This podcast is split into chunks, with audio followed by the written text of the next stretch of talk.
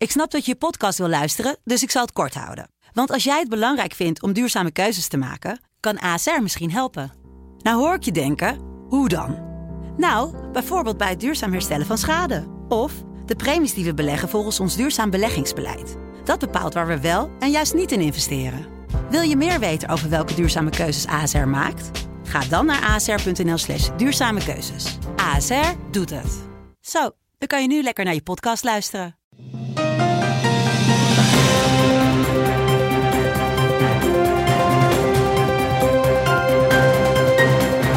Dit is een podcast van de Telegraaf. In het land van Wierduk met Robert Ophorst. Het is eh, donderdag 15 april en eh, aan de lijn hangt Wiert Tuk. Wiert, we doen het weer even via de 5G-verbinding. Binnenkort hoeft het geloof ik niet meer, want je had je aangemeld voor een vaccinatie geloof ik bij, bij je huisarts. Dus dan, dan kan het allemaal via, via de chiptechnologie. Nou ja, mijn huisarts die deelt in de malaise van geheel Nederland. Want gisteren kreeg ik te horen dat er vaccins over waren. Dus als ik dan vandaag zou bellen, dan zou ik gevaccineerd kunnen worden. Maar nu zijn de vaccins allemaal weer op. En weten ze niet eens wanneer er nieuwe komen. Dus ik moet nu gewoon weer achteraan schuiven in de rij. En die kwetsbare uh, ouderen weer voorgedrongen?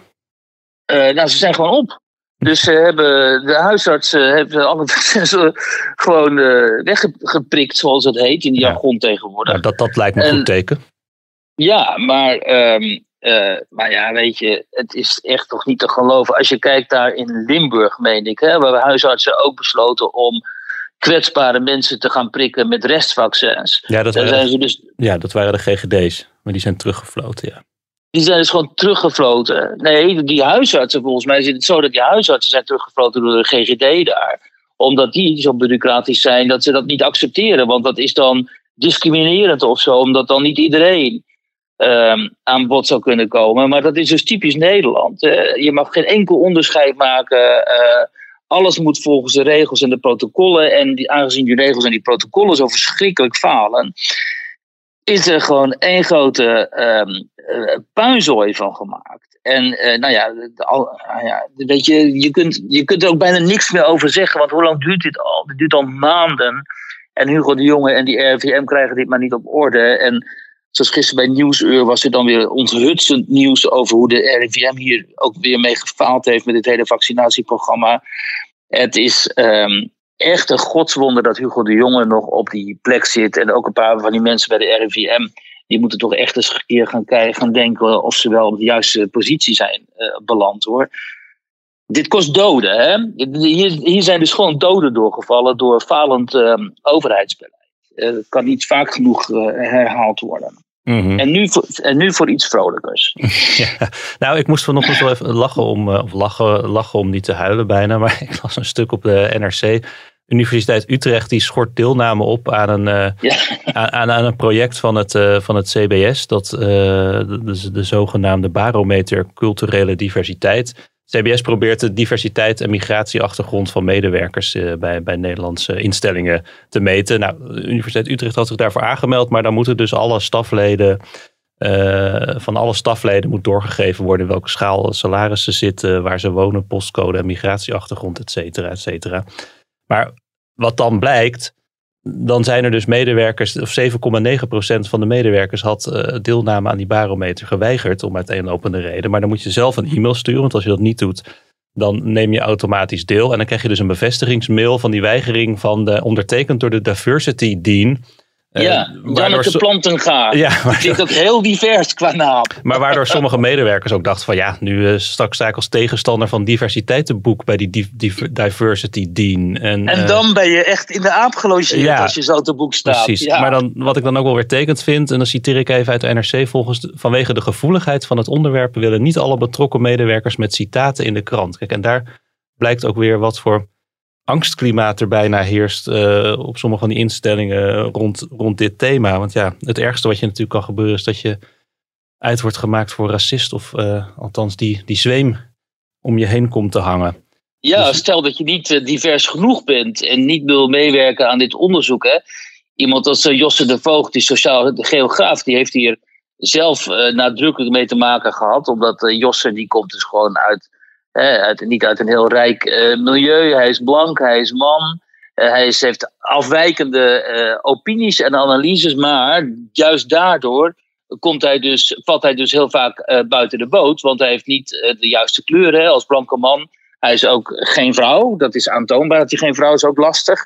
Um, en hij heeft ook nog eens een keer gewoon niet de juiste opinie. Want dat hele diversiteitsbeleid, het gaat alleen maar om kleur, gender, zoals het tegenwoordig heet, uh, seksen. En uh, eventueel af, afwijkende seksuele voorkeuren, LGBTI en noem maar op. Maar het gaat dus helemaal niet om diversiteit van meningen. Nee, juist niet. Hè? Diversiteit van meningen is juist ongewenst. Um, en ja, dat is gewoon puur terreur geworden. Hè? En, al die universiteiten die hebben dan zo'n diversity officer of diversity dean. Dat is allemaal overgenomen uit die anglo-saxische cultuur waarin dit ook zo verschrikkelijk uh, modieus is allemaal. En uh, daar moet je niet mee in conflict raken, want dan ben je dus gewoon als uh, personeelslid van zo'n universiteit, dan ben je echt officieel de klos. En dan kun je het schudden verder. En um, daarom zijn deze mensen ook zo bang. Ja, dat is heel treurig. En het is inderdaad, wat jij zegt, best wel hilarisch dat dan uiteindelijk toch maar die deelname aan het project moet worden opgeschort. Um, vanwege dat het gewoon niet lukt. het functioneert gewoon niet. Nou ja, maar um, de, de toekomst is de divers, laten we het zo ja, zeggen. ja. ja. Laten we het hebben over uh, een, een, nieuwe MeToo-rel uh, bij D66. Tenminste, ik noem het voor het gemak maar even MeToo. Uh, het kerstverse Kamerlid Sidney Smeets, die is in opspraak geraakt. Er is een intern onderzoek naar hem gestart bij D66 nadat in ieder geval een tiental jonge mannen zich op sociale media openlijk heeft uitgesproken over de manier waarop hij met hen de afgelopen jaren contact heeft gezocht. op, op, op volgens hen uh, intimiderende en opdringerige wijze. In een aantal gevallen kwam het ook tot een ontmoeting. Uh, Elif Isitman en Marcel Vink hebben daar een uh, groot verhaal over geschreven bij ons. Ze hebben ook twee van die jongens gesproken die op dat moment minderjarig waren. Bij een van hen kwam het ook tot een ont, daadwerkelijk tot fysiek contact of tot een fysieke ontmoeting. En, mhm. en, en een van die jongens heeft ook seksuele handelingen, of althans het is tot fysiek contact gekomen. Zij voelden zich daar niet prettig bij. Um, er steeds ook in het parool uh, spreken twee uh, jonge mannen zich uit die zeggen dat zij op het moment minderjarig waren en dat ze ook seks hebben gehad met hem op mhm. onprettige wijze. Nou, wat, eind maart is dit al aangekaart bij D66, mm blijkt door, door, door iemand die sprak namens mhm. meerdere anderen. Eh, toen is er een, eh, volgens de partij zelf een indringend gesprek geweest met Smeets, maar dat eh, stond niet in de weg om hem toch te installeren als Kamerlid. ja. En kennelijk was dat voor enkele van die uh, jonge mannen de druppel. Die hebben zich toen openlijk uitgesproken van ja, als deze man Kamerlid wordt, dat vinden wij, dat, dat, dat klopt niet. Toen is het balletje weer gaan rollen. En nu loopt er dus een intern onderzoek en zit Smeets hangende dat onderzoek, houdt hij zich neemt hij rust, zoals dat dan officieel heet. Overigens zegt hij, ik heb naar mijn weten altijd binnen de wet gehandeld en heb niet, mij niet uh, gerealiseerd dat uh, die mensen dit als onprettig hebben ervaren. Dat was nooit mijn bedoeling. -huh.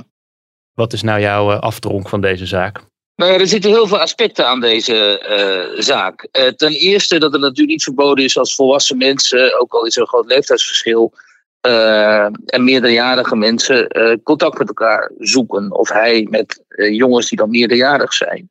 Het wordt, het wordt beschamender en het wordt ook strafbaar op, op het moment dat een volwassen man contact zoekt met minderjarige jongens. Of jongens dwingt tot, dwingt tot seksuele handelingen waar zij geen zin in hebben. Um, dus daar moeten we allemaal het onderscheid tussen maken. Nu is het interessante geval met, met Sidney Smeets dat is dat hij is strafrechtadvocaat bij het kantoor van Gerard Spong.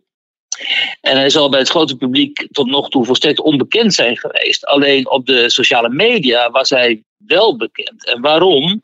Omdat Smeet zich de afgelopen jaren heeft opgeworpen als een soort geweten van, eh, laten we zeggen, woke links in Nederland. Hè? Die uh, iedereen met een mening die afwijkt van zijn toch wel erg, zeg maar, woke D66-mening, onmiddellijk in de hoek zetten als extreem rechts, radicaal rechts, racistisch, xenofoob, noem maar op. Dus het hele arsenaal aan aan scheldwoorden uit die kringen hanteerde Smeets dagelijks om al die mensen die enigszins een stem hebben in het debat en die zich niet per se als progressief, maar misschien eerder als conservatief presenteren. Hè, dat, van, van mij tot aan, tot aan mensen van Geen Stijl, noem maar op, en Baudet en Wilders en zo. Om die allemaal weg te zetten als racisten. Ook dat is trouwens niet verboden. ook dat is niet verboden, maar dat heeft hem dus een hele schade mensen opgeleverd. Omdat dat deed hij werk bij iedereen. Dat heeft hem dus een hele schade mensen opgeleverd. die uh, hem niet heel welgevallig zijn. En um, wat nu blijkt, is dat hij vooral die contacten die hij zocht. en het gaat kennelijk om tientallen jongens, wat ik begrijp. dat hij die dus vooral zocht onder linkse homoseksuele jonge jongens. Hè. Vaak jongens die net uit de kast kwamen.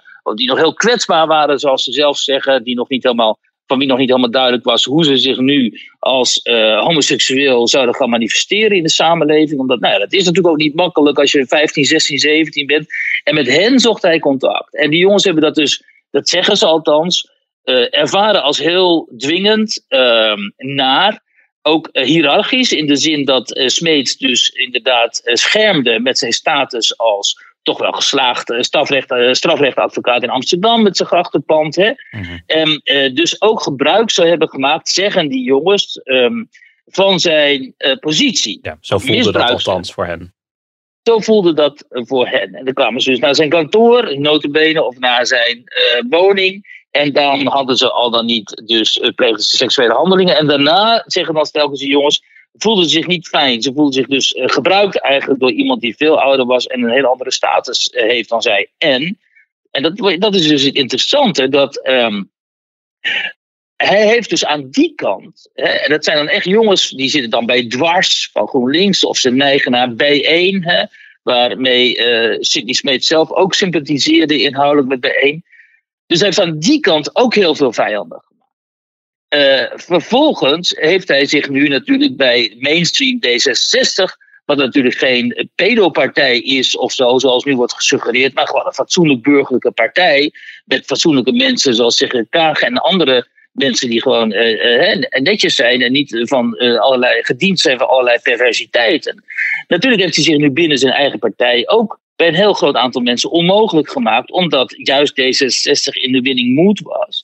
Um, heel sterk staat in die coalitieonderhandelingen, omdat ze gewoon uh, een flink aantal zetels hebben en met Sigrid Kaag iemand hebben die het bij de, uh, hè, bij de progressieve media en bij de publieke omroep heel goed doet. Dus die heeft heel veel steun vanuit de media. En een partij die ook geen zin heeft in nog een affaire nadat uh, eerder partij prominent, prominent Frans van Drimmelen was. Uh, Precies, ze waren er net in geslaagd. Ze waren dus net in geslaagd om die MeToo-affaire rond die van Drimmelen in de doofpot te stoppen. Hè, wat ook best wel opmerkelijk is, maar het was hen dus gelukt.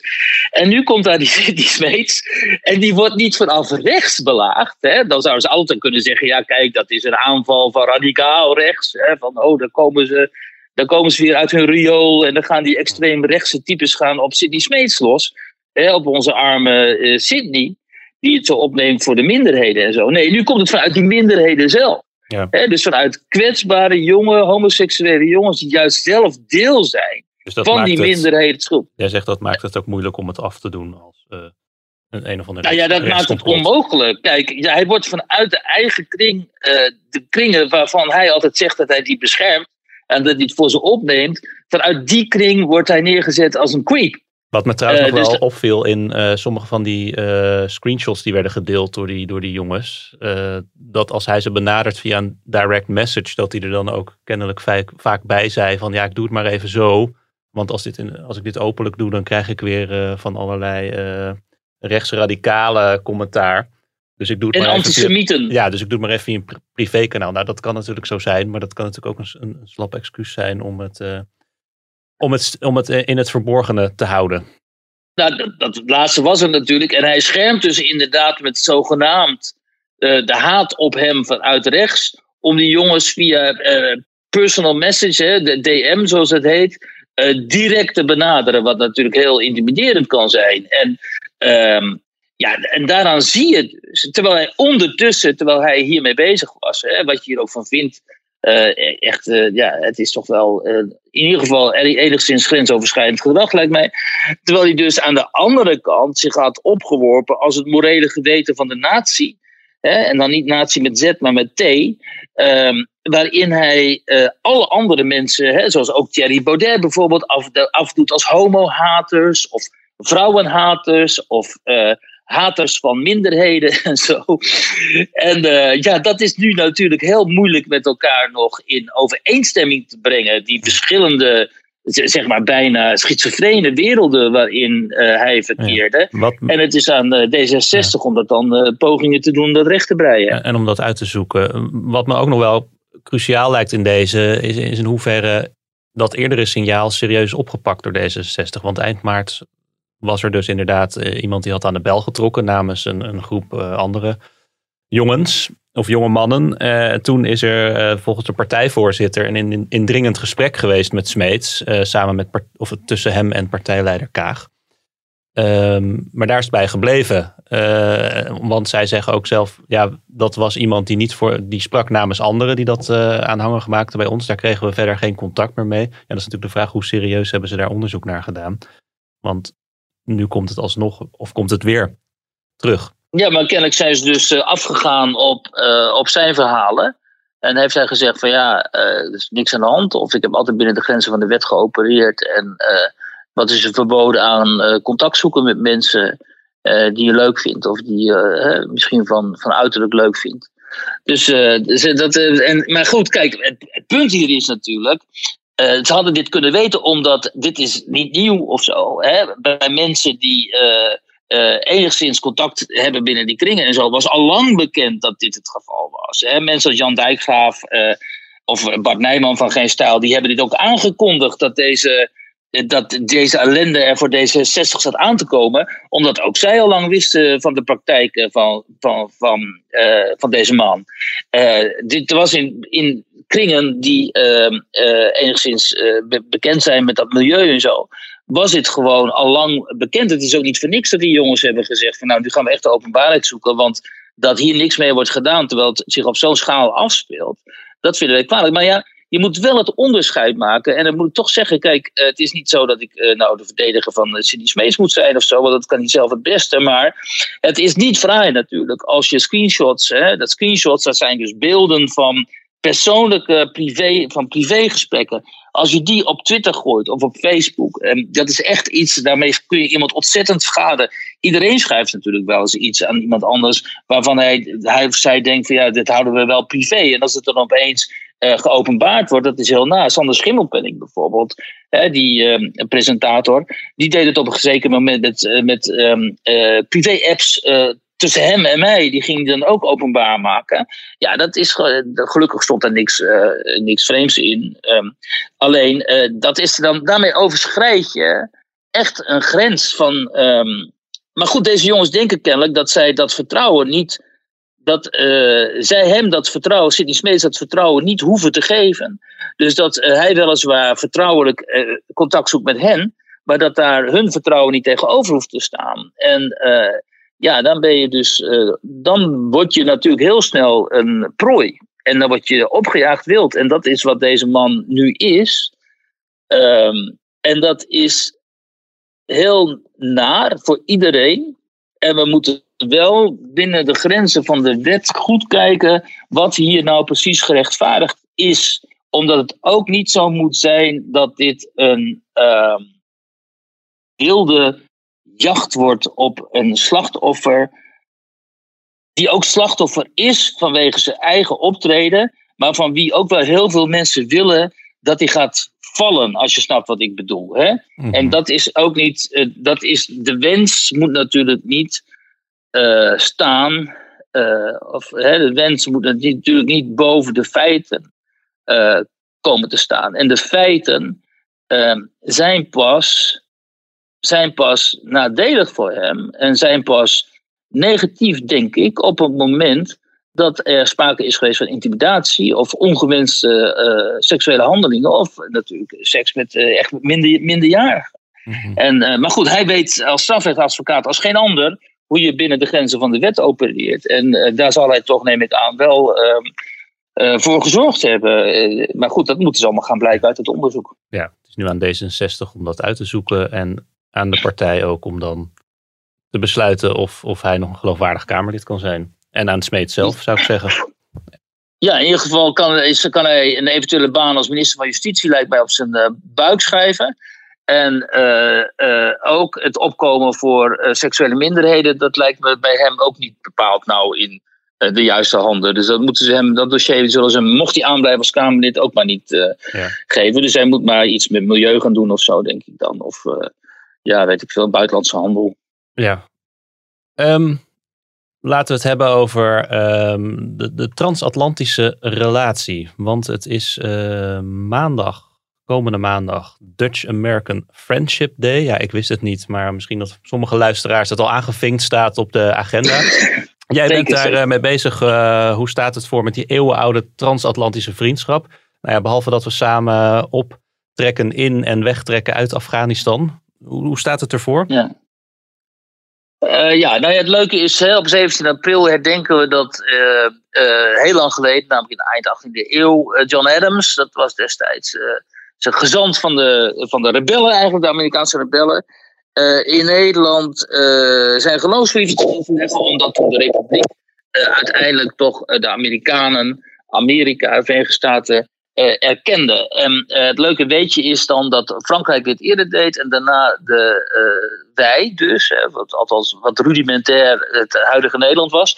En dat Friesland notabene, die eigenwijze Friesen, dat als eerste deden. Want um, even historische schets, de Friesen die hadden enorm last van de Britse vloot. Um, hun handelsschepen die werden door die Britten telkens uh, zeg maar, um, uh, aangevallen. En de, de Friesen dachten het is wel een goed idee als we dan die Amerikanen, die immers ook oorlog voeren tegen de Britten, hun kolonisator, zeg maar, hun kolonia koloniale macht, als we die gaan steunen. Dus John Adams is zijn leven lang dankbaar geweest, de Friesen dankbaar geweest dat ze dit hebben gedaan. En het leek ons wel een leuk idee om nou eens te kijken naar het tijdperk van Trump toen toch die uh, relaties tussen Amerika en Europa enorm geschaad zijn geraakt. Om eens te kijken hoe het er nu voor staat onder uh, Joe Biden. En nou ja, dat is sowieso een leuk verhaal, omdat je dan hoort van Koen Petersen bijvoorbeeld, de auteur van een boek over Trump. Uh, een goede vriend van Mark Rutte. Dat ehm, die verhouding tussen Amerika en Europa eigenlijk een beetje door Mark Rutte toch onder Trump nog um, gestut is geworden. Omdat Rutte de tegenwoordigheid van geest had om te denken: we hebben hier te maken met weliswaar een hele zeg maar, labiele en impulsieve politicus, maar ook met een zakenman. Dus als ik nou naar de Verenigde Staten ga en ik neem allemaal CEO's mee van grote Nederlandse bedrijven. En ik laat aan Trump zien hoeveel ontzettend veel geld uh, Amerika verdient aan ons en wij aan Amerika. Dat is ook zo. Hè? Nederland is een grote investeerder in de Verenigde Staten. Dan krijg ik hem vast wel op, op mijn hand. En dat gebeurde ook. En vanaf dat moment gold Rutte dus als degene in Europa, de regeringsleider in Europa, die het beste naar voren kon schuiven als er weer internationale bijeenkomsten waren. Zo, die, die het beste naast, naast Trump kon zetten. Want met hem kon hij, naar hem luisterde hij in elk geval. Die ook af en toe nee durfde te zeggen. Ja, we kennen allemaal dat beroemde fragment wel nog in, in de White House. And that'll be good. And if we do work it out, that'll be positive. And if we don't, it'll be positive also. Because no. we'll just think about those cars that pour in here. And we'll do something, right? We have to work But it'll be, it'll be positive. Precies. En uh, ja, precies. En zei, uh, hoe heet die? Uh, Rut, Rutte zei op een gegeven moment no. en ja, dat zijn natuurlijk hele leuke anekdotes. Of gewoon anekdotes van Amerikanen die in Nederland wonen over die rare Nederlandse um, mm -hmm. gewoontes. Hè? Bijvoorbeeld, ik sprak met een mevrouw en haar moeder was over. En dat is dan zo'n New Yorks Joods assertief milieu. En ze waren aan het eten in een restaurant in Amsterdam. En die uh, moeder, die al wat ouder is, die zegt, vraagt op een gegeven moment: mag ik een house salad, maar dan zonder de spekjes? En dan zegt die opa gewoon ijskoud: nee hoor, dat, uh, dat doen we hier niet. dat die vrouw helemaal ontploft. Zo, hoezo, dat doen jullie niet? Waar staat dit op? Uh, weet je wel, ik kom uit een land waar alles mogelijk is en waar helemaal service georiënteerd is. En gewoon even de spekjes uit de salade halen, dat moet toch niet zo'n probleem zijn? Dus dan krijg je echt zo'n soort culture clash tussen Nederlanders die altijd zeggen van nou nee, dat kan niet hoor. En Amerikanen die altijd zeggen ja nee, alles kan, weet je wel. Ik, doe, ik ga mijn best voor u doen. En, uh, ik ben hier om u te bedienen en uh, u van service te voorzien. En niet om u af te bekken en te zeggen van nee, dat, uh, dat, dat doen we niet. Dus allemaal van dat soort um, leuke anekdotes. Dus ik denk dat dat wel uiteindelijk een, um, een leuk... Um, verhaal gaat opleveren. Ja. Uiteindelijk. Ik denk ook dat heel veel Nederlanders um, niet goed weten hoe die relaties nu precies zijn gelopen ooit. En hoe succesvol eigenlijk mhm. ehm, die relaties altijd zijn, zijn geweest. En hoe groot ook Nederland als investeringsland in de Verenigde Staten is. Heb jij zelf nog iets nieuws ontdekt? Nou, dat van Friesland wist ik dus niet. Hè? Dat eh, had ik wel moeten weten als historicus, maar dat, uh, dat wist ik dus niet dat uh, die Friese als eerste gewest, zeg maar, besloten om die Verenigde Staten te erkennen. van John Adams wist ik wel, en ook dat hij later president is geworden, en ook dat zijn zoon later nog eens president is geworden. En ik, ik meen dat hij de enige is met de Bush-familie die ook, van wie ook de zoon president van de Verenigde Staten is geworden. Maar je hoort gewoon echt hele leuke dingen. Um, ik sprak met een mevrouw, die, had dan, uh, die kreeg dan, was in Leiden en dan kreeg ze van, de, van de archivaris originele documenten aangereikt eh, van Adams en over de. Dat was een een of ander belangrijk. Ik, ik meende dat het inderdaad die akte was waarin die erkenning stond. Ik moet nog even weer nachecken in het interview in mijn tekst. En, dus je hoort allemaal van dat soort hele leuke verhalen over hoe, hoe die intensieve relaties zijn geweest. En uh, hoe mensen daar ook uiteindelijk uh, ja, niet van hebben geprofiteerd, maar hoe mensen ook vooral hebben geprobeerd om die ook in stand te houden. Zoals die mhm. mevrouw, die oudere dame die ik sprak, die heeft dat bewust, zeg maar, uh, ten tijde van de kruisrakettencrisis onder Lubbers, weet je nog, toen zouden wij cruise moeten praten, maar dat wilde een heel groot deel van het Nederlandse publiek niet. Die ging de straten op. Mhm. En toen heeft Lubbers nog heel ingenieus dat, twee, dat dubbelbesluit bedacht. Um, uh, goed, dat zal ik allemaal uitleggen in dat stuk. En toen heeft deze dame, die zo wat ouder is, die heeft toen besloten, die zag die, die relatie zo achteruit gaan. En die heeft toen bedacht, weet je wat, we moeten zo'n Dutch American Friendship Day introduceren. Omdat onze relaties gaan, zijn natuurlijk niet momentaan, zoals nu, slecht. Maar ze, zijn, ze gaan over de eeuwen en over de eeuwen heen zijn ze gewoon uh, goed. En dat moeten we gaan benadrukken. Ja. Ja, dat, die, die kruisraketten-demo, dat was voor mijn tijd. Maar als je leest de nou, aantallen mensen die toen op de been zijn gekomen. En ik geloof dat er bijna 4 miljoen handtekeningen waren verzameld. Ook op een gegeven moment met een petitie. Ja. Dat, ja, dat, is, bijna... dat is enorm. Ik was toen uh, jong, zeg maar, jong, volwassen genoeg om dat, uh, nou ja, meer dan volwassen genoeg om dat hebben gezien. En uh, ja, dat waren gigantische demonstraties destijds. En dat, dat zorgde voor enorme druk op die betrekkingen uh, natuurlijk. Ja. En toen heeft uh, Lubbers heeft het toen laten afhangen, de plaatsing van die cruise missiles, van de plaatsing van SS-20 door de Sovjets. De Sovjet-Unie was het destijds nog. Maar je kunt je voorstellen dat uh, in die tijd die betrekkingen met de, Amerika gewoon echt onder druk stonden. Net zoals ten, tijde van de Vietnamoorlog natuurlijk. Dat heb ik niet bewust meegemaakt. Maar in die tijd was er natuurlijk enorm veel verzet tegen de Amerikanen. Nee, vanwege, we staan nu elk weekend op, op, op het museumplein mensen koffie te drinken. Maar toen stonden er gewoon ruim een, ruim, een, een, uh, ruim een half miljoen mensen op het Malieveld. Ja, heel zoveel waren dat. Ja, het waren echt honderdduizenden. Dus, dus dat betekent ook wel weer een beetje. En dat in een tijd toen dat er nog geen sociale media waren. Hè? Dus uh, die oproepen en zo, die moesten via andere kanalen komen. Dus dat is inderdaad wel heel indrukwekkend uh, geweest. los van dat ik het niet met, dat, met het standpunt eens zou zijn geweest in die tijd. Maar Um, dat waren wel indrukwekkende aantallen natuurlijk. Weinig beelden zo typisch Nederlands als die van de sportvelden op de zaterdagen, schrijf jij vandaag in de krant in jouw, in jouw rubriek in Nederland. Nou, dat vond ik wel een mooie, mooie typering. Maar die sportvelden zijn wel inderdaad een beetje het smeermiddel van de samenleving. Met, met de kinderen die daar uh, sporten, de, de ouders die langs de lijn staan of die, die zelf ook meedoen in de seniorenteams. De honderdduizenden vrijwilligers die betrokken zijn bij alle, alle sportclubs. Ja. Dat ligt allemaal stil. Ja, en ik denk dat weinig Nederlanders zich dat misschien realiseren. Maar die sportvelden op de zaterdagen, dat is inderdaad een soort iconisch beeld van Nederlandse cultuur ook. Ik heb lang in Rusland gewoond en in Duitsland. En daar heb je dat gewoon niet op die manier. Um, en ik ben daar zelf notabene al mee opgegroeid. Ik zat ook op de voetbalclub. En die zaterdagen stonden geheel in het teken van het voetballen.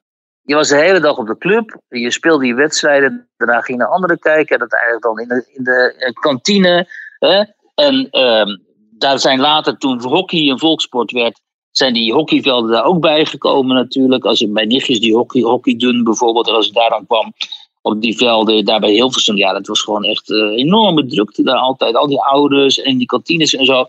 Dus ehm, die, die sportvelden, wat je zegt, dat zijn echt een soort ontmoetingsplaatsen, sociale plaatsen, plekken geworden voor, of altijd al, al decennia is dat het geval, in dorpen en ehm, in, gemeenschappen. En ook in gewoon grotere gemeentes en zo. En dat is allemaal weggevallen dit jaar. En ik dacht van, uh, ik wil nu toch eens, uh, voor, uh, voor, nu die nieuwe routekaart eraan komt, kijken hoe dat nou met die mensen is, hoe dat die mensen is vergaan. En dan krijg je toch wel heel veel alarmerende verhalen. Althans, alarmerend, maar in de zin van mensen missen het enorm.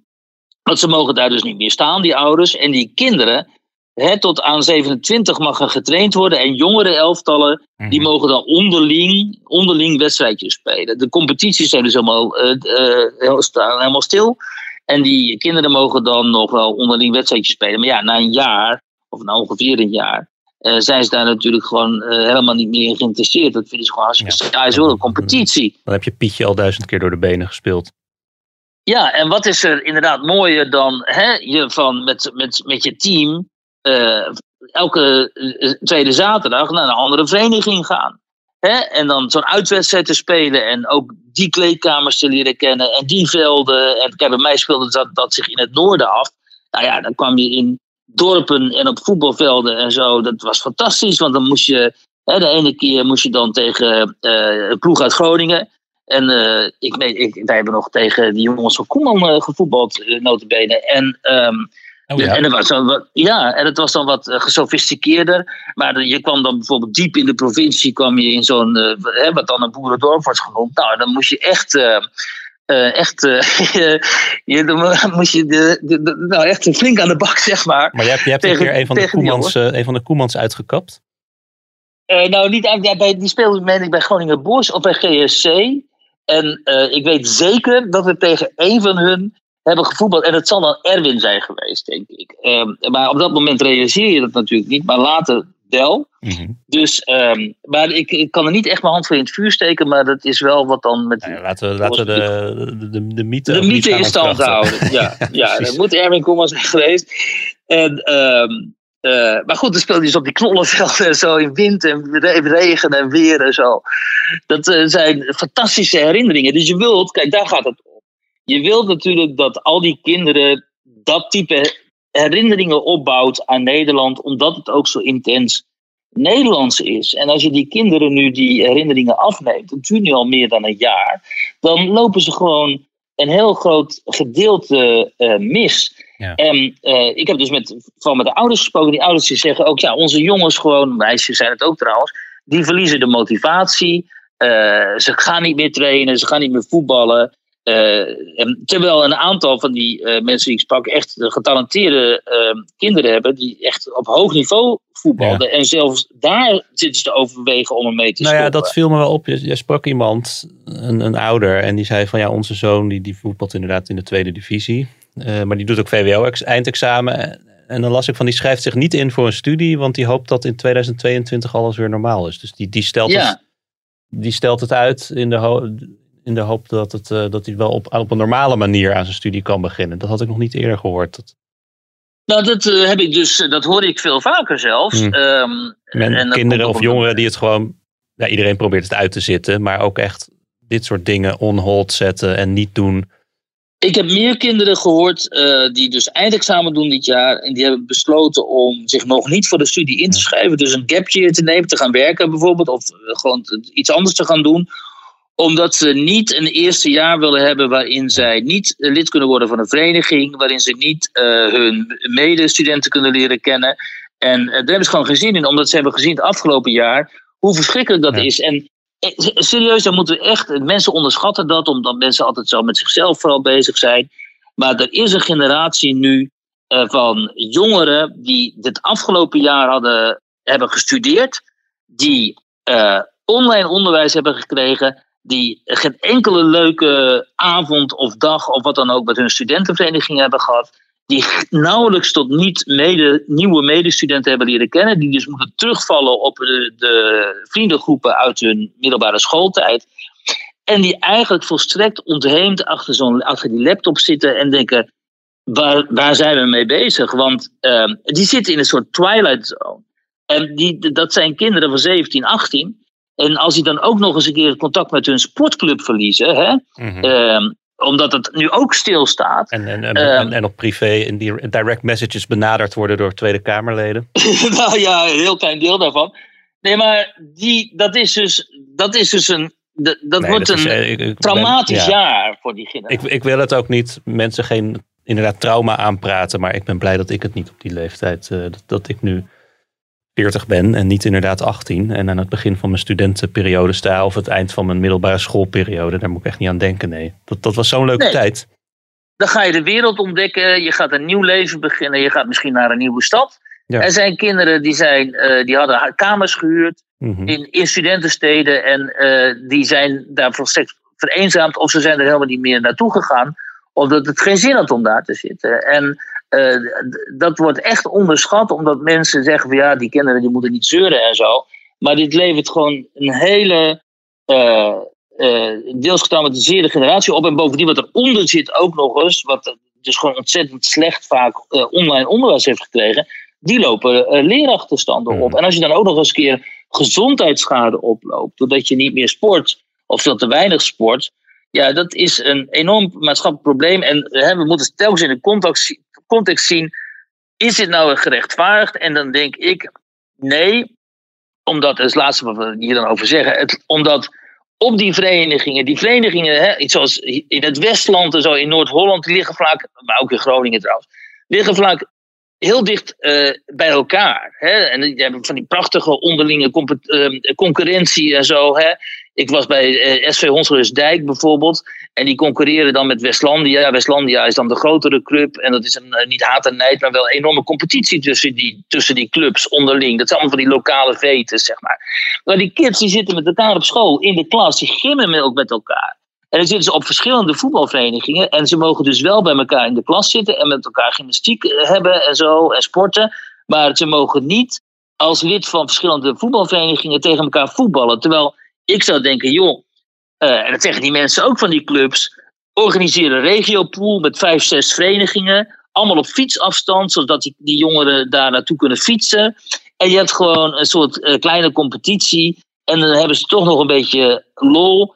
En, en het is dan een competitie tegen kinderen met wie ze sowieso al op school zitten. Hè? Een, deel daarvan. Dus wat is daar nou op tegen? Maar nee hoor, ook, ook dat kan natuurlijk weer niet. Want in Nederland, protocollenland, um, kan gewoon niet op, dat, op die manier uh, gedacht worden, uh, kennelijk. Um, en ondertussen, kijk, en het, het zou nog te, rechtvaardigen zijn als de overheid die dit soort dingen allemaal verbiedt, het zelf zo goed voor elkaar zou hebben en zou zeggen: jongens, kijk, we zijn nu echt massaal aan het vaccineren en over een maand of zo zijn we klaar en dan kunnen we het hele boel weer opengooien. Maar nee, uh, dat kunnen ze ook niet. Dus dan heb je dus aan twee kanten voel je je min of meer, nou niet min of meer, van twee kanten voel je gewoon enorm belemmerd natuurlijk. En als dan ook nog eens een keer creatieve ideeën niet gehonoreerd worden, ja, dan krijg je gewoon heel veel, en het blijkt ook wel een beetje uit het stuk van mij, toch zeg maar niet ja, onvrede. En ook heel veel mensen die zeggen: ja, maar hoe kun je dit nou nog uitleggen dan? Hoe mhm. moet ik dit aan mijn kinderen uitleggen? Ja. Nou goed, uh, vooralsnog nog steeds uh, begin juli iedereen die dat wil, tenminste één prik. Dat blijft ons kabinet, uh, demissionair kabinet, gewoon volhouden. Dus Geloof jij het? soms moet je ook gewoon geloof houden in dingen. zal ik maar zeggen. Dus nou, maar geloof houden in Hugo de Jonge is wel heel veel gevraagd. Ja, ja, ja. Ehm, nou, we gaan afsluiten. Heb je nog een slotwoord voor onze lieve luisteraars? Uh, nee, volgens mij hebben we voldoende slotwoorden al in, zitten in deze podcast. Dus uh, dan, uh, om daar nog één aan toe te voegen. Maar houd moed, zou je kunnen zeggen. Dat, houd moed. Ja, ja. Ik dank je wel en ik dank ook alle luisteraars.